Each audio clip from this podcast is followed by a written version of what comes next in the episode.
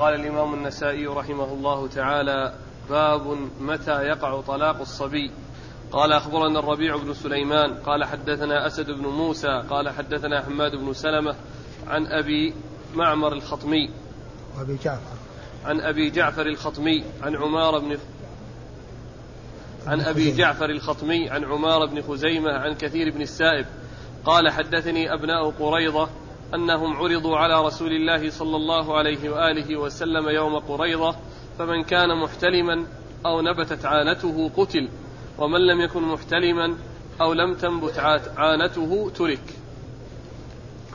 بسم الله الرحمن الرحيم. الحمد لله رب العالمين وصلى الله وسلم وبارك على عبده ورسوله نبينا محمد وعلى آله وأصحابه أجمعين. أما بعد يقول النسائي رحمه الله باب متى يقع طلاق الصبي؟ نعم. باب متى يقع طلاق الصبي؟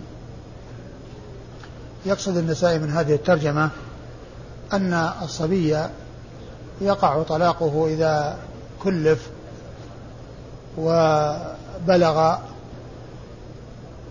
وأنه قبل ذلك غير مكلف فلا يقع منه الطلاق. ومن المعلوم أن أن التكليف يكون بالاحتلام ويكون بإنبات الشعر الخشن حول القبل الذي هو العانة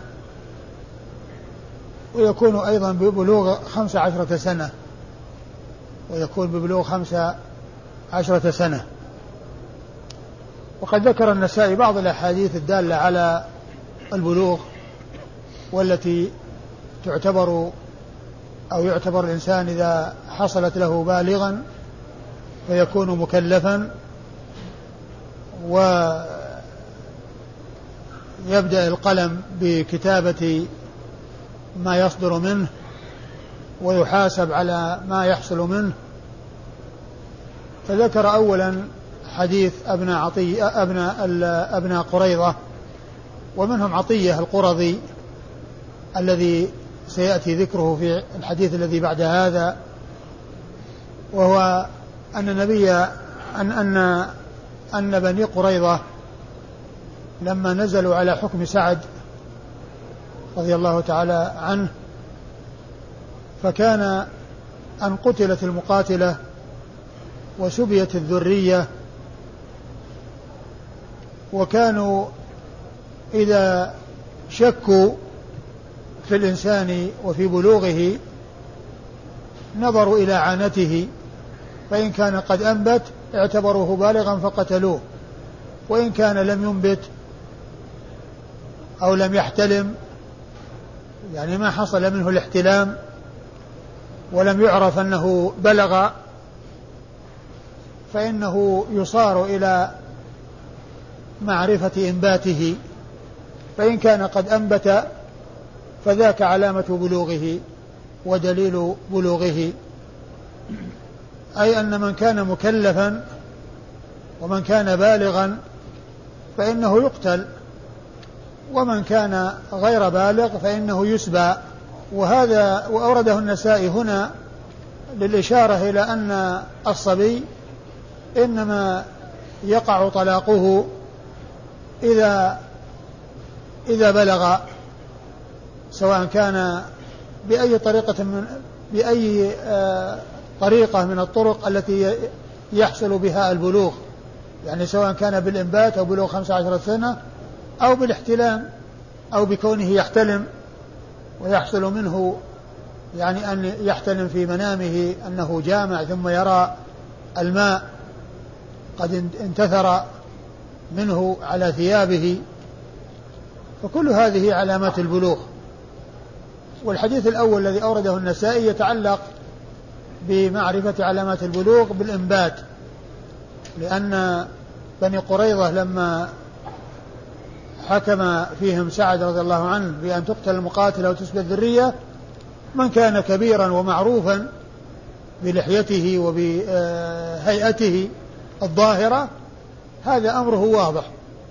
ومن كان خفيا وأمره محتمل بأن لم يكن صغيرا ولا كبيرا وإنما هو مراهق يحتمل أن يكون بلغ ويحتمل أن يكون ما بلغ فكانوا يعرفون ذلك بهذه العلامة التي هي الإنبات.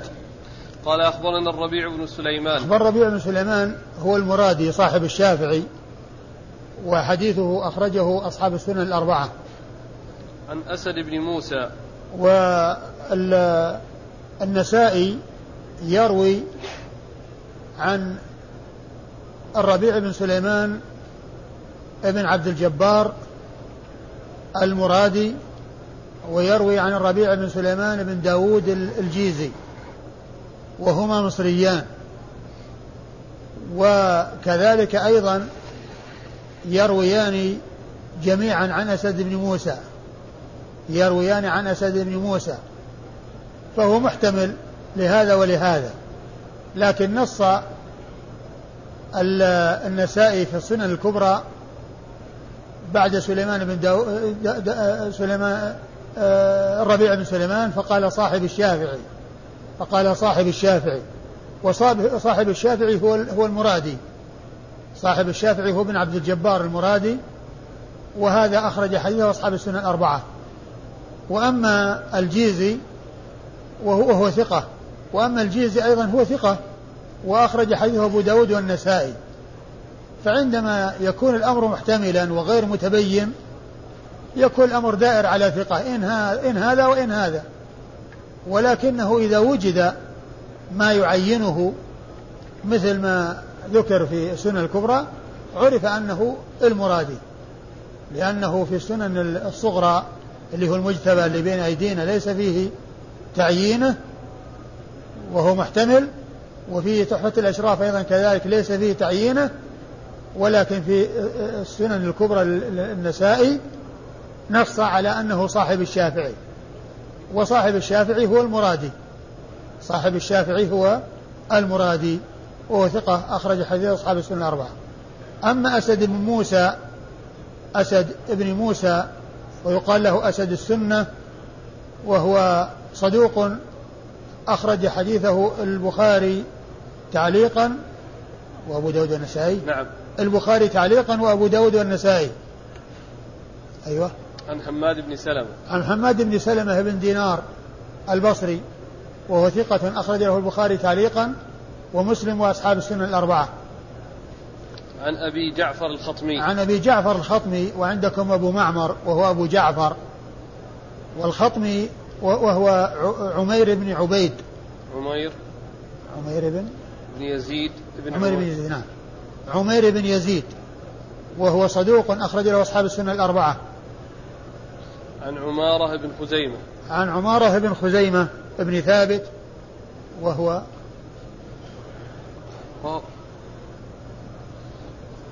ثقة أخرج له أصحاب السنة الأربعة. أيضا. نعم. وهو ثقة أخرج له أصحاب السنة الأربعة. عن كثير بن السائب. عن كثير بن السائب وهو مقبول. نعم. أخرج له. النسائي. أخرج له النسائي وحده. عن أبناء آه قريضة هنا أبهمهم. ولكن في الرواية التي بعدها ذكر منهم عطية. عطية القرظي. فإنه روى الذي رواه أخبر عن نفسه بأنه ممن شك فيه وأنهم نظروا في عانته ووجدوه لم ينبت فتركوه ولم يقتلوه و و ولا أعرف يعني آه، أحد غير هذا. وابن حجر ما يعني رأيت أنه ذكر يعني آه، تعيينهم. لكن في, في الإسناد الذي بعده تعيين عطية القرظي. وعلى كل يعني هم آه، يعني الذين بقوا الذين بقوا منهم وأسلموا هم صحابة لأنهم لأنهم عرضوا وكان آه، بحضرة النبي صلى الله عليه وسلم وفي زمنه وعطية واحد منهم. نعم. قال أخبرنا محمد بن منصور قال حدثنا سفيان عن عبد الملك بن عمير عن عطية القرظي رضي الله عنه أنه قال كنت يوم حكم سعد في بني قريظة غلاما فشكوا في فلم يجدوني أنبت فاستبقيت فها أنا ذا بين أظهركم. ثم ورد النسائي حديث عطية القرظي رضي الله عنه وكان في بني قريظة لما حكم فيهم سعد بن معاذ رضي الله عنه سيد سيد سيد الأوس الذي حكم فيهم بحكم الملك وبحكم الله عز وجل. لما نزلوا على حكمه وقال النبي صلى الله عليه وسلم لقد حكمت فيهم بحكم الملك بحكم الله عز وجل. ف وهو سيد الأوس وسعد بن عبدة سيد الخزرج. فالأنصار هم الأوس والخزرج وسيد الأوس سعد بن معاذ وسيد الخزرج سعد بن عبادة. وسعد بن معاذ توفي آه، آه، استشهد وسعد بن عبادة عاش بعد الرسول صلى الله عليه وسلم. سيد الخزرج عاش بعد النبي عليه الصلاة والسلام. فيقول عطية القرظي رضي الله عنه لما حكم فيهم سعد بأن تقاتل المقاتلة وتسبى الذرية شكوا في. يعني هل هو كان غلاما؟ فشكوا هل بلغ ولا ما بلغ؟ لأن الذي يكون كبير أمره واضح ما ما في شك. والصغير اللي أمره واضح ما في شك. بقي المقارب للبلوغ هل بلغ ولا ما بلغ؟ هذا هو الذي يحتاج إلى أن يبحث عن عن بلوغه هل, هل حصل ولا ما حصل. فنظروا إلى عانته وإذا هو لم ينبت فتركوه. قال فها أنا بين أظهركم. يعني سلمت من القتل. يعني يعني لأنه كان صغيرا ولم يبلغ فسلم من القتل فكان أن أن بقي وقال إنه بين أظهرهم يعني أي أنه سلم من القتل لأنه لم يكن بالغا فيقتل كما قتل من كان بالغا. والمقصود من هذا أن البلوغ يكون بالإنبات أي إنبات الشعر الذي يكون حول القبل. نعم. قال أخبرنا محمد بن منصور. محمد بن منصور هو المكي وقد نص عليه النسائي في السنة الكبرى. فقال محمد بن منصور المكي. وكما ذكرت يعني فيما مضى أنه عندما يأتي محمد بن منصور يروي عن سفيان وسفيان غير منسوب فالمراد به فالمراد به آه، آه، آه، ابن عيينة. المراد به المكي. إذا روى عن سفيان فسفيان هو ابن عيينة والمراد بمحمد منصور هو المكي وهما مكيان. لأن محمد منصور مكي وسفيان بن عيينة مكي وسفيان ومحمد بن منصور المكي الجواز ثقة أخرج حديثه النسائي وحده. عن سفيان وهو بن عيينة المكي ثقة فقيه أخرج له أصحاب كتب الستة. عن عبد الملك بن عمير. عن عبد الملك بن عمير وهو ثقة أخرج له أصحاب كتب الستة. عن عطية. عن عطية القرظي رضي الله عنه وهو صحابي صغير أخرج له أصحاب السنن. نعم. أخرج له أصحاب السنن الأربعة. أحسن الله إليك. لو أعدت الفرق بين السعدين. سعد بن معاذ سيد الأوس وسعد بن عبادة سيد الخزرج وسعد بن معاذ هو الذي آه، أصابه يعني الجرح يعني في الخندق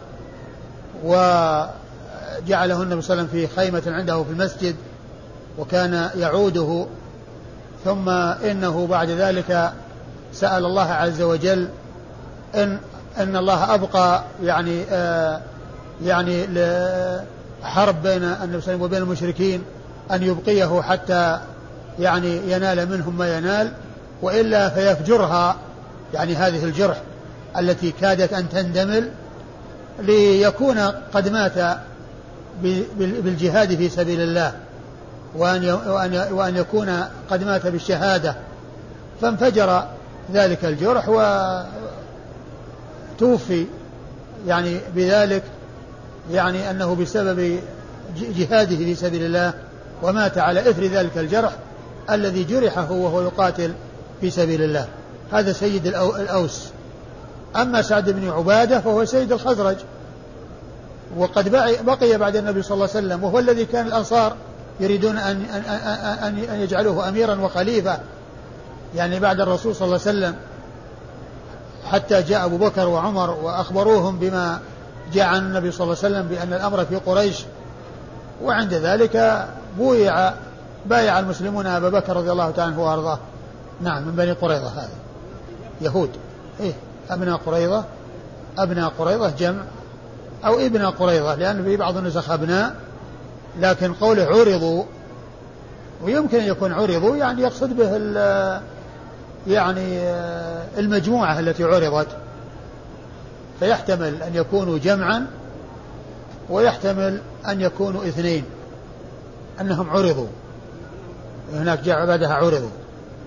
ويجوز أن يكون يعني كلمة عرضوا يقصد بهم هم اثنين فقط وإنما وله ثلاثة يعني مثلا مع كذا وإنما المجموعة كل آه، بني قريظة هؤلاء اللي هم يعني قبيلة من اليهود يعني كلهم عرضوا فمن كان منهم بالغا قتل ومن كان منهم غير بالغ آه، سبي أحسن الله إليك ذكرت أن حماد بن سلمة أخرج له البخاري تعليقا ومسلم إيه؟ وأصحاب السنة إيه؟ نعم. إخوان استشكلوا أن في طبعة أبي الأشبال رمز له بعين هو حاشية أيوة. انظر تحفة الأشراف والفتح. هو الحافظ بن حجر هو ذكر أنه يعني في موضع من المواضع يعني قال أن, أن, أن هذا يحتمل أظن قال يحتمل أن يكون ما هو تعليق. وذكر أن المزي أنه ما كان يرمز له. وأظن ذكر هذا عند ترجمة أبان بن يزيد العطار. وأبان بن يزيد العطار كان أظن رمز, رمز له بالجماعة مع أنه مثله. وقال ابن حجر في فتح الباري أن أنه مثله وأنه لا فرق بينهما. يعني كان في موضع من المواضع يعني فيه يعني شيء حول أنه يعني يصير متصل وأنه يعني ليس معلق. أبان بن يزيد العطار في ترجمته. عند عند عند ذكره. يعني في الصحيح ذكر ذكر هذا في حقه. ولعله أيضا ولعله ذكره أيضا في في مقدمة الفتح عندما جاء عند ترجمة أبان بن يزيد العطار. لأنه ممن تكلم فيه. أبان بن يزيد العطار شوف عندك في التغريب والجماعة ولا لعله الجماعة. أبان بن يزيد العطار خرج له أصحاب الكتب إلا ابن ماجه. إلا ابن ماجه؟ نعم. يعني رواه البخاري. نعم. اي نعم. أظن في ترجمته ذكر يعني شيء حول حماد بن سلمة وأنه قال أنه مثله. وأنا ذكرت هذا في الفوائد المنتقاة من فتح الباري. يعني ما يتعلق بحماد وما قيل في حماد وأبان بن يزيد العطار يعني ذكرته حماد بن سلمة لا حماد بن سلمة بن دينار البصري ها؟ الشيخ حماد بن أبي سليمان الله يهديك حماد بن أبي سليمان في حماد بن سلمة اثنين؟ لا ما في هذا حماد بن أبي سليمان أيه. مسلم الأشعري مولاه أيه. أيه. نعم. فما هو المعتمد؟ يعتمد عين يا شيخ ولا خط؟ والله يعني أنا ما ما أتذكر بالضبط وش الذي لكن الذي مشى عليه الحافظ بن حجر يعني في والذي مشى عليه المزي أيضا يعني أنه خاتأ. هنا أحال إلى الفتح. أبو الأشبال يوم إيه حط عين أحال إلى الفتح. هو هذا. النقطه هو اعتراض الح... اعتراض الحافظ بن حجر على فتح على, على المزي لأنه كلامه واظنه قال انه مثل يزيد أبان بن يزيد العطار. وأبان بن يزيد العطار رمز له بالبخاري. أبان رمز له بالبخاري وقال هذا مثله. أي نعم. جزاك الله خير. في موضع من المواضع يعني كذا أنا ذكرته. في في الفوائد المنتقاه والذي أشار اليه ابو الاشبال يمكن هو نفس الموضع اللي أنا أشرت إليه. قال أخبرنا عبيد الله بن سعيد قال حدث وحماد بن سلمة بن دينار يعني آه، ثناء العلماء عليه كثير وحماد بن زيد بن درهم يعني آه، خرج له الجماعة. نعم. وكان بعض العلماء يفضل حماد بن سلمة على ابن زيد. ويقول الفرق بينهما كما بين الدينار والدرهم لأن ذاك حماد بن زيد بن درهم وهذا حماد بن سلمة بن دينار وهذا حماد بن سلمة بن دينار ويقول الفرق بينهما كالفرق بين الدرهم والدينار هذا من درهم وذا من دينار و ويفضل يعني حماد بن سلمة على حماد بن زيد ويقول إن الفرق بينهما كالفرق بين الدرهم والدينار. قال أخبرنا عبيد الله بن سعيد قال حدثنا يحيى عن عبيد الله قال أخبرني نافع عن ابن عمر رضي الله عنهما أن رسول الله صلى الله عليه وآله وسلم عرضه يوم أحد وهو ابن أربع وهو ابن أربع عشرة سنة فلم يجزه. وعرضه يوم الخندق وهو ابن خمس عشرة سنة فأجازه. ثم أورد النسائي حديث عبد الله بن عمر رضي الله تعالى عنهما وهو يتعلق ببيان البلوغ بالسنين لأن الذي مر في أحاديث يعني بني قريظة يتعلق بالإنبات بإنبات الشعر الخشن حول القبل وحديث ابن عمر يتعلق بالبلوغ بالسنين. وببلوغ خمس عشرة سنة وأنه بذلك يبلغ وإن لم يحصل منه إنبات لأن البلوغ إذا إذا إذا بلغ 15 سنة قد يعتبر بالغا وإن لم ينبت وإن لم يحتلم لكن إن احتلم من قبل وأنبت من قبل فهو بالغ. وإن لم يحصل لا هذا ولا هذا وبلغ يعني 15 سنة فإنه يكون قد بلغ يعني صار مكلفا. ابن عمر رضي الله تعالى عنه وأرضاه أو أو الصحابة رضي الله عنهم وأرضاهم كانوا حريصين على الجهاد. وكان الصغير يعني يريد أن يجاهد فلا يمكن منه لصغره. وكان يأتي الواحد ويطلب وإذا كان ما بلغ خمسة عشر سنة لا يقبل لأنه صغير لم يصل إلى حد التكليف. فكان أن عرض على النبي صلى الله عليه وسلم وهو ابن أربع عشرة سنة يوم أحد فلم يجزه ولما جاء الخندق أجازه وجعله ممن يمكن من أن يكون في المجاهدين والمقاتلين في سبيل الله. وهذا يدلنا على على ما كان عليه أبناء الصحابة الصغار من القوة في الدين والحرص على فعل الخير وبذل النفس في سبيل الله عز وجل بذل النفس والنفيس في سبيل الله سبحانه وتعالى. فكان أن أقدم عبد الله بن عمر رضي الله عنه على أن وهو لم يصل إلى سن البلوغ إلى أن يكون حرص على أن يكون من المجاهدين فلم يتيسر له ذلك. وتيسر له ذلك بعد أن بلغ الخامسة عشرة من عمره. وأظن البراء بن عازب أظنه من جنس ابن عمر. يعني شوف ترجمة البراء بن عازب في التقريب. استصغر يوم أحد. أظن قال فيه استصغر يوم أحد. يعني مثل ابن عمر استصغر يوم أحد. يعني ما كان يعني بالغا بحيث يمكن من الجهاد. البراء بن عازب. استصغر يوم استصغر يوم بدر. يوم بدر. وكان هو وابن عبد الله وابن عمر لده. لده يعني يعني اسنان اسنانهم واحدة يعني. كمل. نعم. مات سنة 72 سنة 72 امم إيه. طيب. إسناد؟ أي نعم. قال أخبرنا عبيد الله بن سعيد. عبيد الله بن سعيد هو السرخسي اليشكري وهو ثقة أخرج حديث البخاري ومسلم والنسائي. عن يحيى. عن يحيى بن سعيد القطان ثقة أخرج له أصحاب الكتب الستة. عن عبيد الله. عن عبيد الله بن عمر بن حفص بن عاصم بن عمر العمري ثقة أخرج له أصحاب الكتب الستة. النافع مولى بن عمر ثقة أخرج له أصحاب الكتب الستة.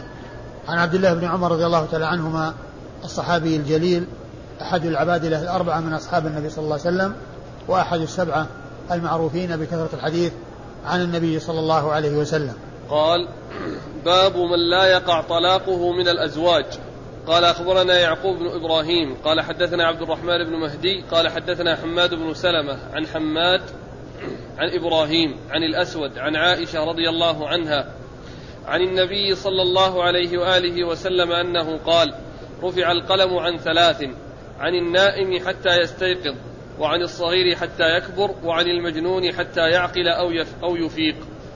ثم ورد النسائي هذا من لا يقع طلاقه من الأزواج. من لا يقع طلاقه من الأزواج. وأورد فيه حديث عائشة. حديث عائشة رضي الله عنها رفع القلم عن ثلاثة الصغير حتى يكبر والنائم حتى يستيقظ والصغير حتى يكبر أي يبلغ والمجنون حتى حتى يعقل أو يفيق والمجنون حتى يعقل يعني يرجع إليه عقله أو يفيق من جنونه. فلكونه رفع القلم عنهم أي غير مكلفين فلا يعني يؤاخذون بما يحصل منهم من كلام ومن ذلك الطلاق ومن ذلك الطلاق فلا يقع طلاق الصغير ولا طلاق المجنون ولا طلاق النائم ولا طلاق النائم الذي لو حصل يعني مثلا في نومه يعني حلم وتخليط وكذا وتكلم في الطلاق فإنه لا يعتبر. يعني ما يحصل منه لأنه رفع عنه القلم. رفع القلم عن هذا وهذا وهذا. هؤلاء الثلاثة كلهم مرفوع عن القلم يعني معناه أنهم غير مكلفين. ما بدأت الملائكة تكتب عن تكتب تكتب لهم أو تكتب عليهم. ما بدأت الملائكة تكتب عليهم. يعني آه السيئات والمؤاخذة بالكلام. قال أخبرنا يعقوب بن إبراهيم. أخبرنا يعقوب بن إبراهيم هو الدورقي. وهو ثقة. أخرج له أصحاب الكتب الستة بل هو شيخ لأصحاب الكتب الستة. روى عنه مباشرة وبدون واسطة. عن عبد الرحمن بن مهدي. عن عبد الرحمن بن مهدي البصري ثقة. أخرج له أصحاب الكتب الستة. عن حماد بن سلمة عن حماد. عن حماد بن سلمة. عن حماد بن سلمة وقد مر ذكره عن حماد وهو بن أبي سليمان. عن حماد وهو بن أبي سليمان وهو صدوق له أوهام. وحديثه أخرجه البخاري تعليقا ومسلم وأصحاب السنن. البخاري في الأدب المفرد. البخاري في الأدب المفرد ومسلم وأصحاب السنن الأربعة. عن إبراهيم. عن إبراهيم بن يزيد بن قيس النخعي الكوفي ثقة فقيه أخرج له أصحاب كتب الستة. عن الأسود. عن الأسود بن يزيد النخعي وهو ثقة أخرج له أصحاب كتب الستة. والأسود هو خال إبراهيم. الأسود النخعي هو خال إبراهيم بن يزيد بن قيس النخعي. عن عائشة. هو علقمة الأسود علقمة خالاه عن عائشة أم المؤمنين رضي الله تعالى عنها وأرضاها وهي الصحابية الجليلة الحافظة لسنة النبي عليه الصلاة والسلام الصديقة بنت الصديق ذات المناقب الجمة والفضائل الكثيرة رضي الله تعالى عنها وعن الصحابة أجمعين. قال باب من طلق في نفسه. قال أخبرنا إبراهيم بن الحسن وعبد الرحمن بن محمد بن سلام. قال حدثنا حجاج بن محمد عن ابن جريج عن عطاء عن أبي هريرة رضي الله عنه أن النبي صلى الله عليه وآله وسلم قال عبد الرحمن عن رسول الله صلى الله عليه وآله وسلم أنه قال إن الله تعالى تجاوز عن أمتي كل شيء حدثت به أنفسها ما لم تكلم ما لم تكلم به أو تعمل. ثم ورد النسائي هذه الترجمة وهي من طلق في نفسه. باب من طلق في نفسه. من طلق في نفسه. يعني أنه حدثته نفسه في الطلاق أو وقع في نفسه الطلاق دون أن يتلفظ به ودون أن يكتبه ودون أن يكتبه بقلمه وبيده فإنه لا يقع لأن حديث النفس لا يؤاخذ عليه الإنسان. حديث النفس وما يقع في النفس لا يؤاخذ عليه الإنسان وإنما يؤاخذ بالعمل وبالقول بقوله وعمله. وأورد النسائي حديث أبي هريرة. نعم. حديث أبي هريرة رضي الله عنه قال إن الله تجاوز قال الله عز وجل إن الله تجاوز قال إن الله تجاوز قال عليه الصلاة والسلام إن الله تجاوز لأمتي ما حدثت به أنفسها ما لم تتكلم به أو تعمل. يعني ما لم تتكلم بهذا الذي حدثت به النفس أنفسها أو تعمل يعني آه ذلك الذي حدث حدثت به النفس وبالنسبة للطلاق إذا طلق الإنسان في نفسه أو اعتق في نفسه أو يعني جرى في شيء في نفسه دون أن يتلفظ بلسانه فإنه لا يقع. لأن الكلام لأنه إنما يقع بالكلام أو بالكتابة. بالكتابة لأن الإنسان إذا كتب طلاق زوجته بخط يده فإنها تطلق بذلك لأنه وجد منه يعني ذلك كتابة. فإذا فإذا نطق به أو كتبه وهو من عمله فإنها تطلق بذلك.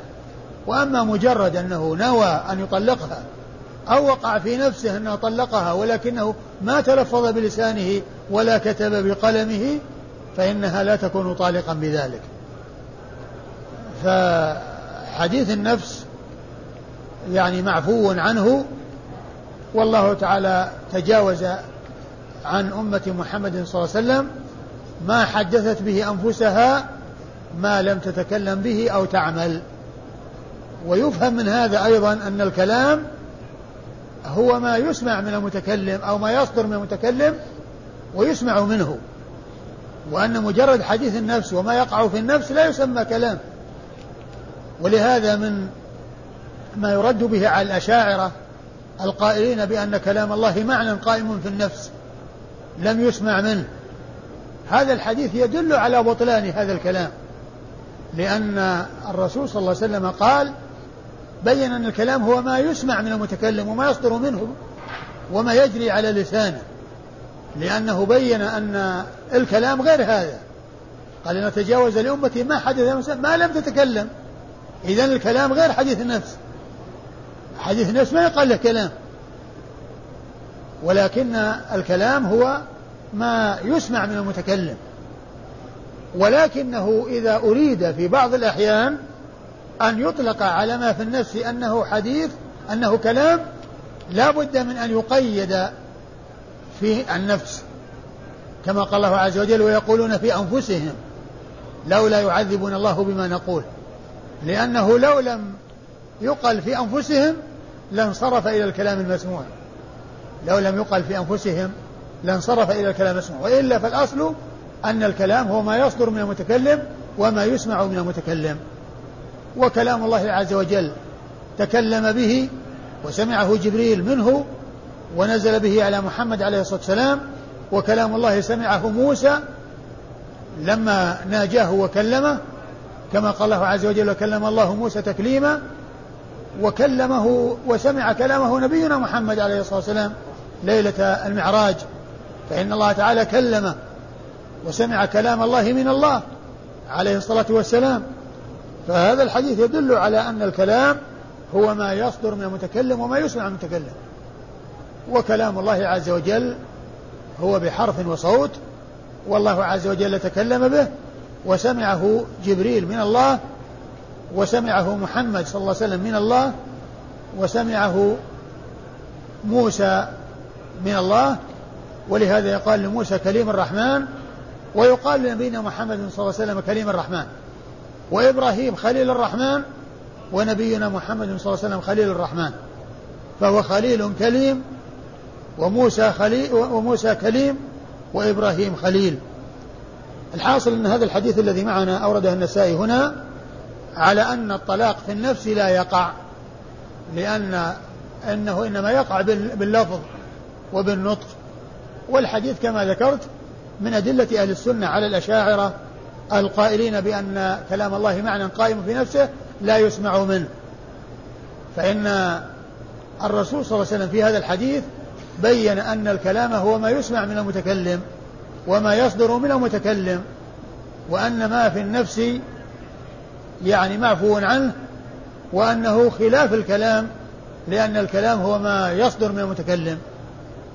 ولم يسمه كلاما في هذا الحديث بل سمى الكلام ما يسمع وما يصدر من المتكلم حيث قال إن الله تجاوز لأمتي ما حدثت بأنفسها ما لم تتكلم به أو تعمل.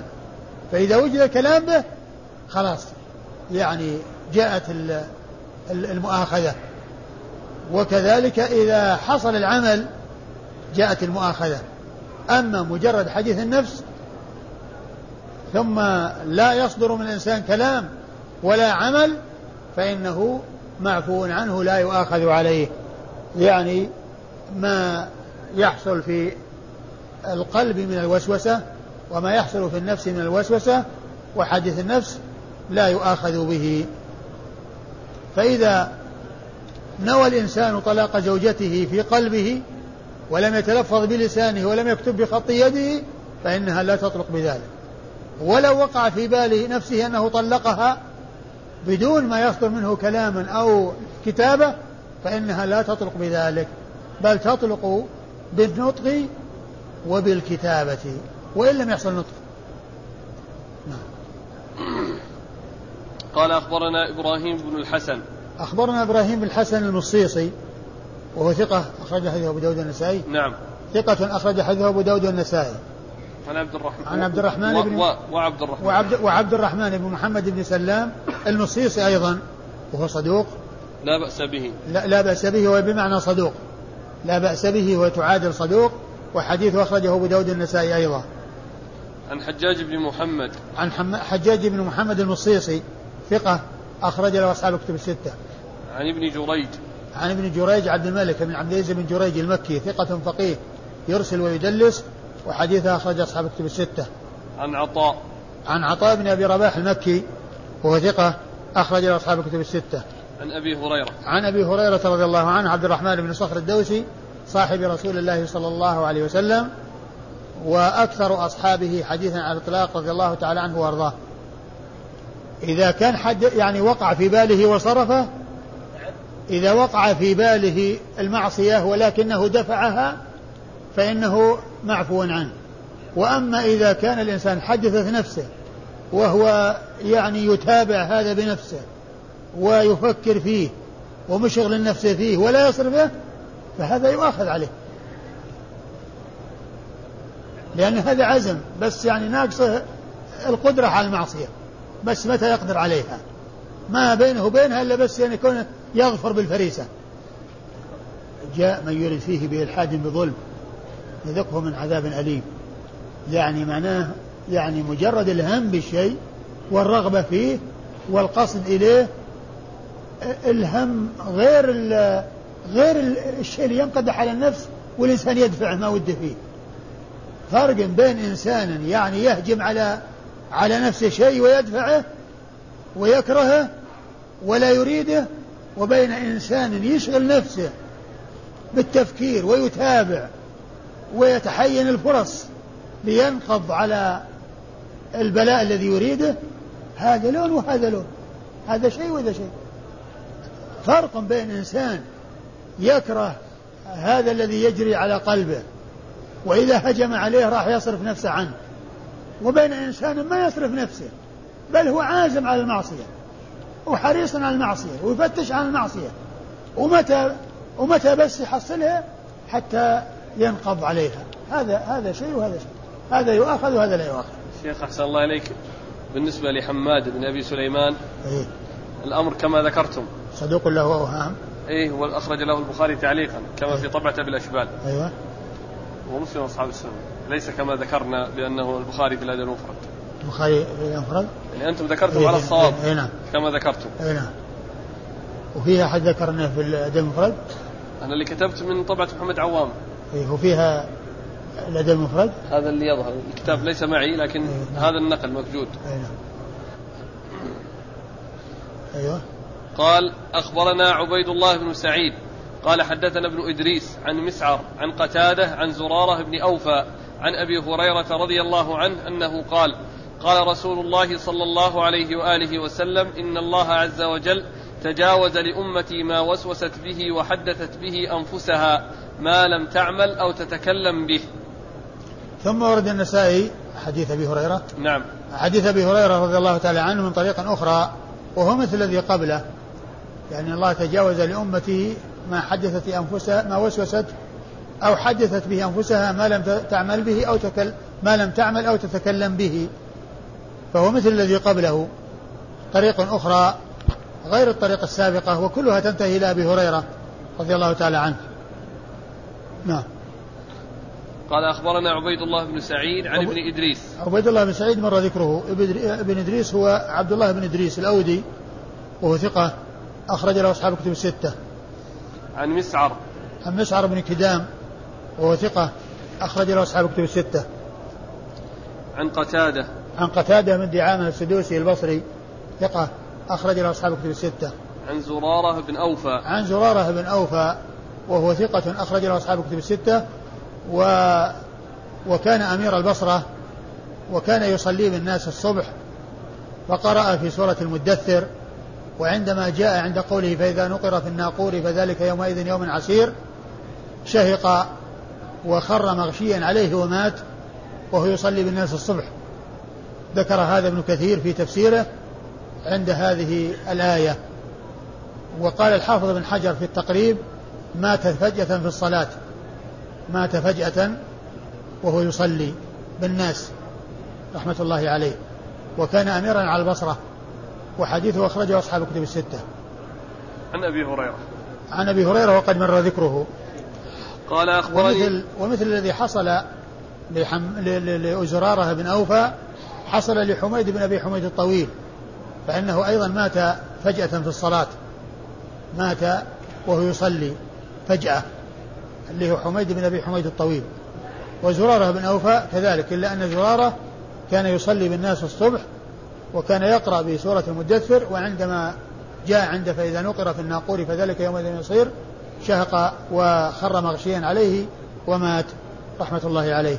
قال أخبرني موسى بن عبد الرحمن قال حدثنا حسين الجعفي عن زائدة عن شيبان عن قتادة عن زرار بن أوفى عن أبي هريرة رضي الله عنه عن النبي صلى الله عليه وآله وسلم أنه قال إن الله تعالى تجاوز لأمتي عما حدثت به أنفسها ما لم تكلم أو تعمل به.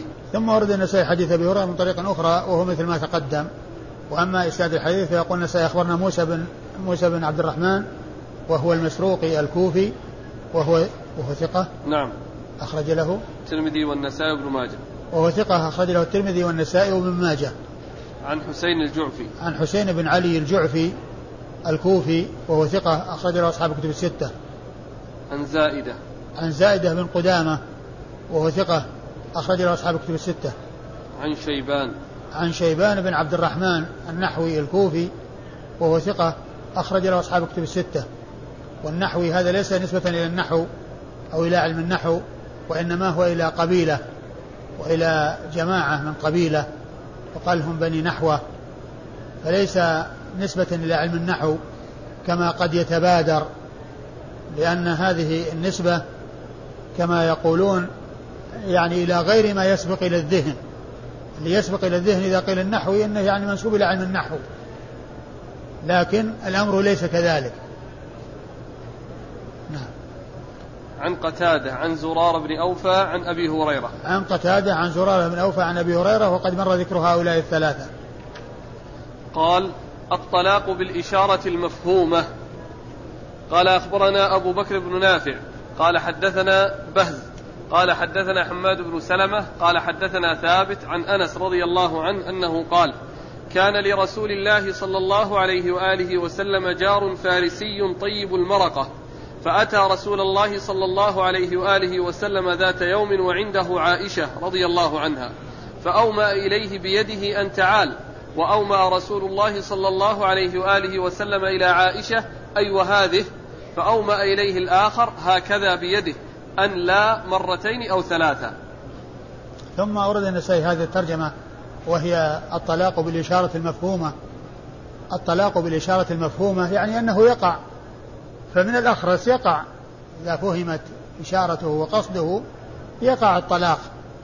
وكذلك أيضا غير الأخرس لو أنه لفظ بلفظ تلفظ بلفظ الطلاق وأشار إلى امرأته وأشار إلى زوجته بأن قال مطلقة وأشار إليها أو طالق وأشار إليها.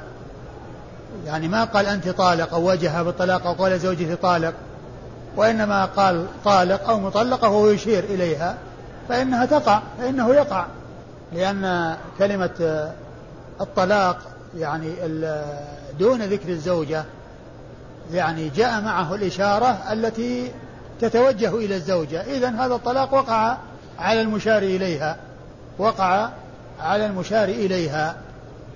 ولو كان له عدة زوجات وأشار إلى واحدة منهن وقال مطلقة أو طالق فإنها يعني يكون إلى إلى من أشير إليها. فالإشارة إذا فهمت وكان الإشارة الطلاق بالإشارة إذا كانت مفهومة فإن الطلاق يقع بذلك سواء كان من الأخرس أو من الناطق الذي لم يعني يعين ويحدد ولكن حدد بالإشارة تلفظ بالطلاق وأتى بالإشارة إلى الزوجة أنه طلقها فيقع الطلاق بذلك. ثم ورد النسائي حديث أنس. أنس بن مالك رضي الله عنه في في مسألة لا تتعلق بالطلاق بالإشارة ولكنها تتعلق بالإشارة المفهومة يعني بين المشير والمشار إليه وأنه يعني يقوم تقوم الإشارة مقام الكلام حيث تفهم وقال إن النبي صلى الله عليه وسلم له جار طيب المرقة يعني جيد الطبخ ويجيد يعني صنع المرق. فجاء إلى النبي صلى الله عليه وسلم وعنده عائشة وأومأ إليه أشار إليه أن تعال يعني بدون كلام. فالرسول صلى الله عليه وسلم أيضا أشار و وهذه يعني معناه أنها أيضا يعني وهي يكون اثنان. فذاك أشار بأن لا مرتين أو ثلاثا. فالكلام فهم والمقصود فهم بهذه الإشارة. فهم ولعله يعني هذه الإشارة يعني قد يكون من مكان بعيد. يعني تكون الإشارة تقوم مقام الكلام إذا كان حصلت مع يعني من مسافة بعيدة. الحاصل أن الإشارة المفهومة أنها يتعلق بها الحكم ويبنى عليها ما قصد والحديث لا علاقة له بالطلاق ولكن فيه ولكنه واضح في أن الإشارة المفهومة أنها معتبرة في طلاق أو في غير طلاق. والطلاق من ذلك الطلاق من ذلك إذا حصل في إشارة مفهومة فهذا يدل عليه لأن لأن الإشارة هنا اعتبرت اعتبرت وقامت مقام الكلام فكذلك إذا وجد إشارة بالطلاق وكانت تلك الإشارة مفهومة فإنها تقع أو أن الطلاق يقع. أيها الإسناد. يعني هكذا. يعني مثل هكذا. الناس متعودين أن فيه يعني طلب يكون هكذا إشارة. أشار النبي أشار إلى عائشة. يعني وعائشة يعني معناه يصير اثنين. وذاك قال لا يعني يشير يعني مرتين أو ثلاث يعني يعني إشارة يعني سواء هكذا أو غيره المهم شيء يفهم شيء يفهم بينهم. والآن والآن المتعارف بين الناس أن المنا هكذا طلب والإشارة هكذا يعني طلب انصراف وذهاب ويعني وكذلك لو أشار برأسه هكذا نعم ولو يعني أومى برأسه يعني غير موافق وهكذا الإشارات ها؟ أنا قلت لكم إشارة الطلاق لو أشار زوجته قال مطلقة قال مطلقة؟ لا بس ما قال زوجته مطلقة ولا قال فلانة مطلقة عندها أربع زوجات مثلا وأشار إلى واحدة وقال مطلقة. أي نعم. وتقع ها؟ نعم. إيش؟ طبعا الأخرس يعني يشير إلى زوجته يعني إشارة تدل تدل على الانفتاح. مثل يقول يعني هكذا. المهم شيء يفهم. ويمكن يعني مثلا يعني يصير فيه يعني هكذا وبعدين يصير فيه. ما يعني ما هو يعني ما يلزم يكون بعد الحجاب. يمكن يكون يعني حتى بعد الحجاب. لأن ما له علاقة يمكن يروح وياه وتأكل معه في البيت وهو ياكل مع الرجال. ما في يعني أشار إليه يعني يصيرون كلهم ضيوف عنده. يعني النساء مع النساء والرجال مع الرجال. نعم ما يلزم يكون بدل الحجاب أو قبل الحجاب. نعم. قال أخبرنا أبو بكر بن نافع. نعم. يعني نفس الإسناد؟ أي نعم. أبو بكر بن نافع محمد بن أحمد بن نافع. أبو بكر وهو وهو صدوق. صدوق أخرج له. مسلم والترمذي والنسائي. وهو صدوق أخرج له مسلم والترمذي والنسائي. عن بهز. عن بهز بن أسد العمي وهو ثقة أخرج حديث أصحاب الكتب الستة. عن حماد بن سلمة عن ثابت. عن حماد بن سلمة وقد مر ذكره عن ثابت بن أسلم البناني وهو ثقة. أخرج له أصحاب الكتب الستة. عن أنس بن مالك رضي الله عنه صاحب رسول الله عليه الصلاة والسلام وخادمه وأحد السبعة المعروفين بكثرة الحديث عن النبي صلى الله عليه وسلم. باب الكلام إذا قصد به فيما يحتمل فيما يحتمل مبني مفعول بالفاعل. قصد؟ إذا؟ باب الكلام إذا قصد به فيما يحتمل معناه أو قصد. يمكن كله يمشي. باب الكلام إذا قصد به فيما يحتمل معناه.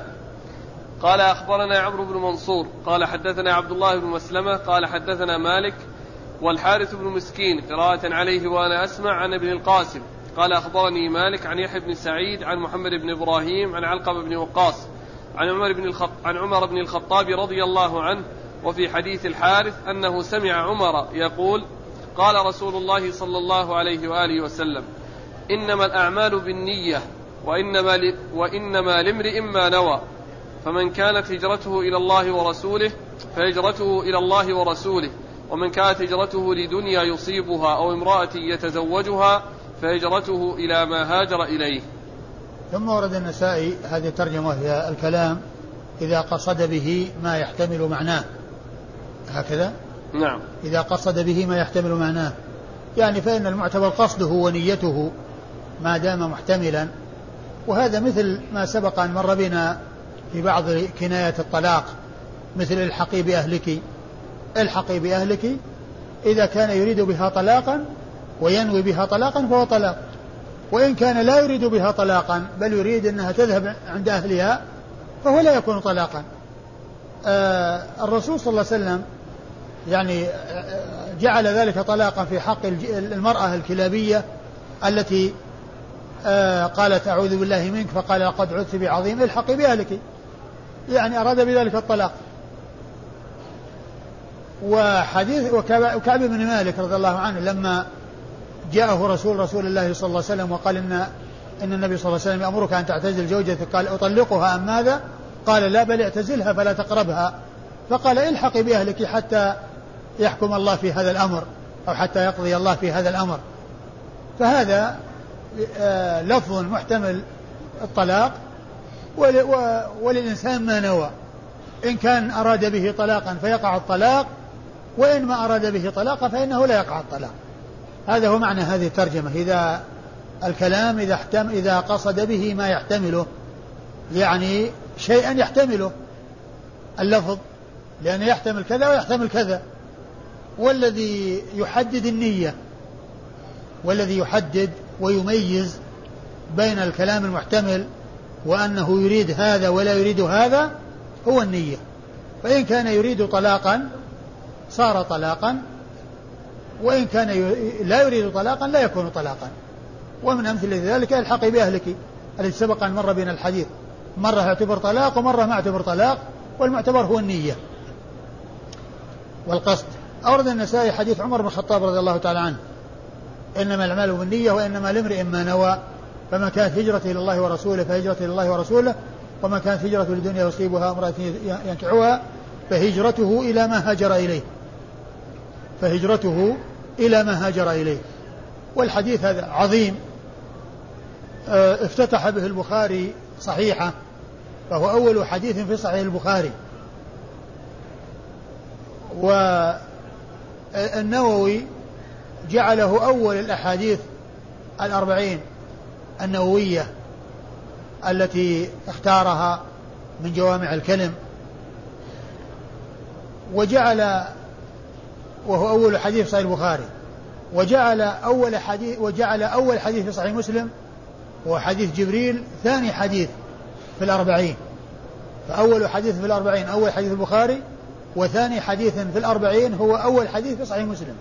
حديث جبريل المشهور حديث عمر رضي الله عنه وكل منهما لعمر.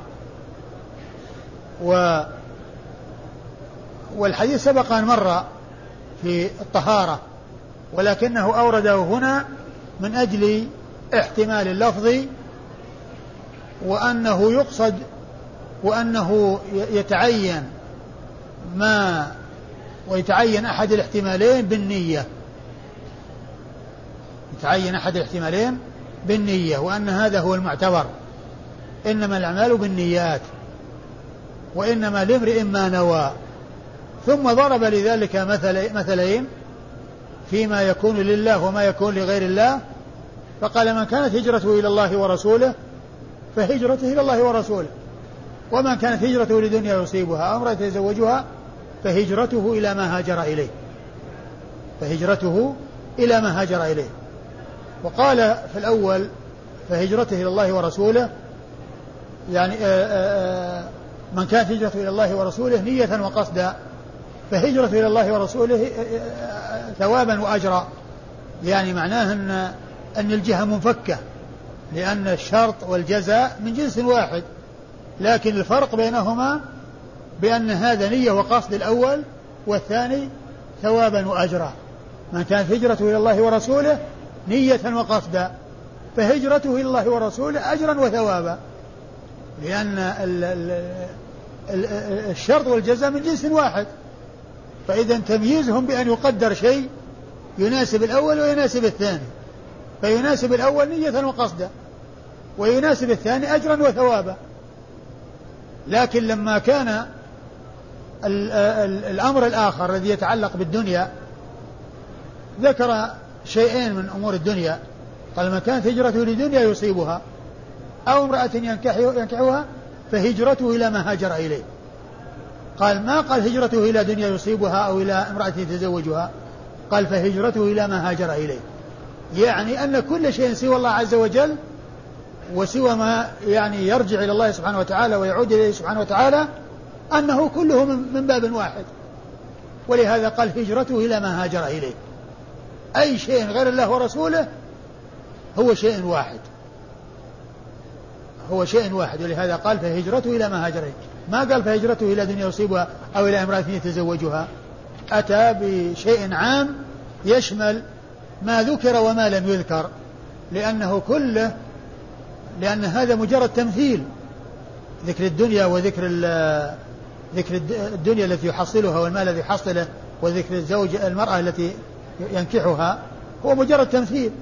وإلا فإنه إذا قصد أي شيء سوى الله عز وجل وسوى الدار الآخرة فهو من أمور الدنيا وهجرته إلى ذلك الذي قصده وأراده. وهجرته إلى ذلك الذي قصده وأراده. نعم. قال أخبرنا عمرو بن منصور. أخبرنا عمرو بن منصور هو النسائي ثقة أخرج حديثه النسائي وحده. عن عبد الله بن مسلمة.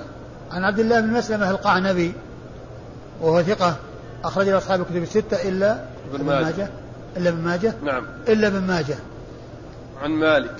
عن مالك بن أنس إمام دار الهجرة المحدث الفقيه الإمام المشهور أحد أصحاب المذاهب الأربعة المشهورة مذاهب أهل السنة وحديثه أخرجه أصحاب الكتب الستة.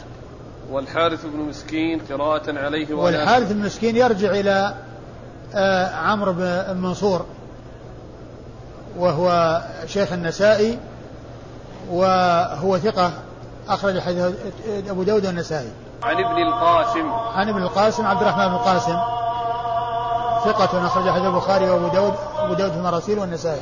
عن مالك عن يحيى بن سعيد. عن يحيى بن سعيد الأنصاري ثقة أخرج حديث أصحابه في الستة. محمد إبراهيم التيمي ثقة أخرج أصحابه في الستة. علقمة بن وقاص الليثي ثقة أخرج أصحابه في الستة وعمر رضي الله عنه أمير المؤمنين رضي الله عنه وأرضاه.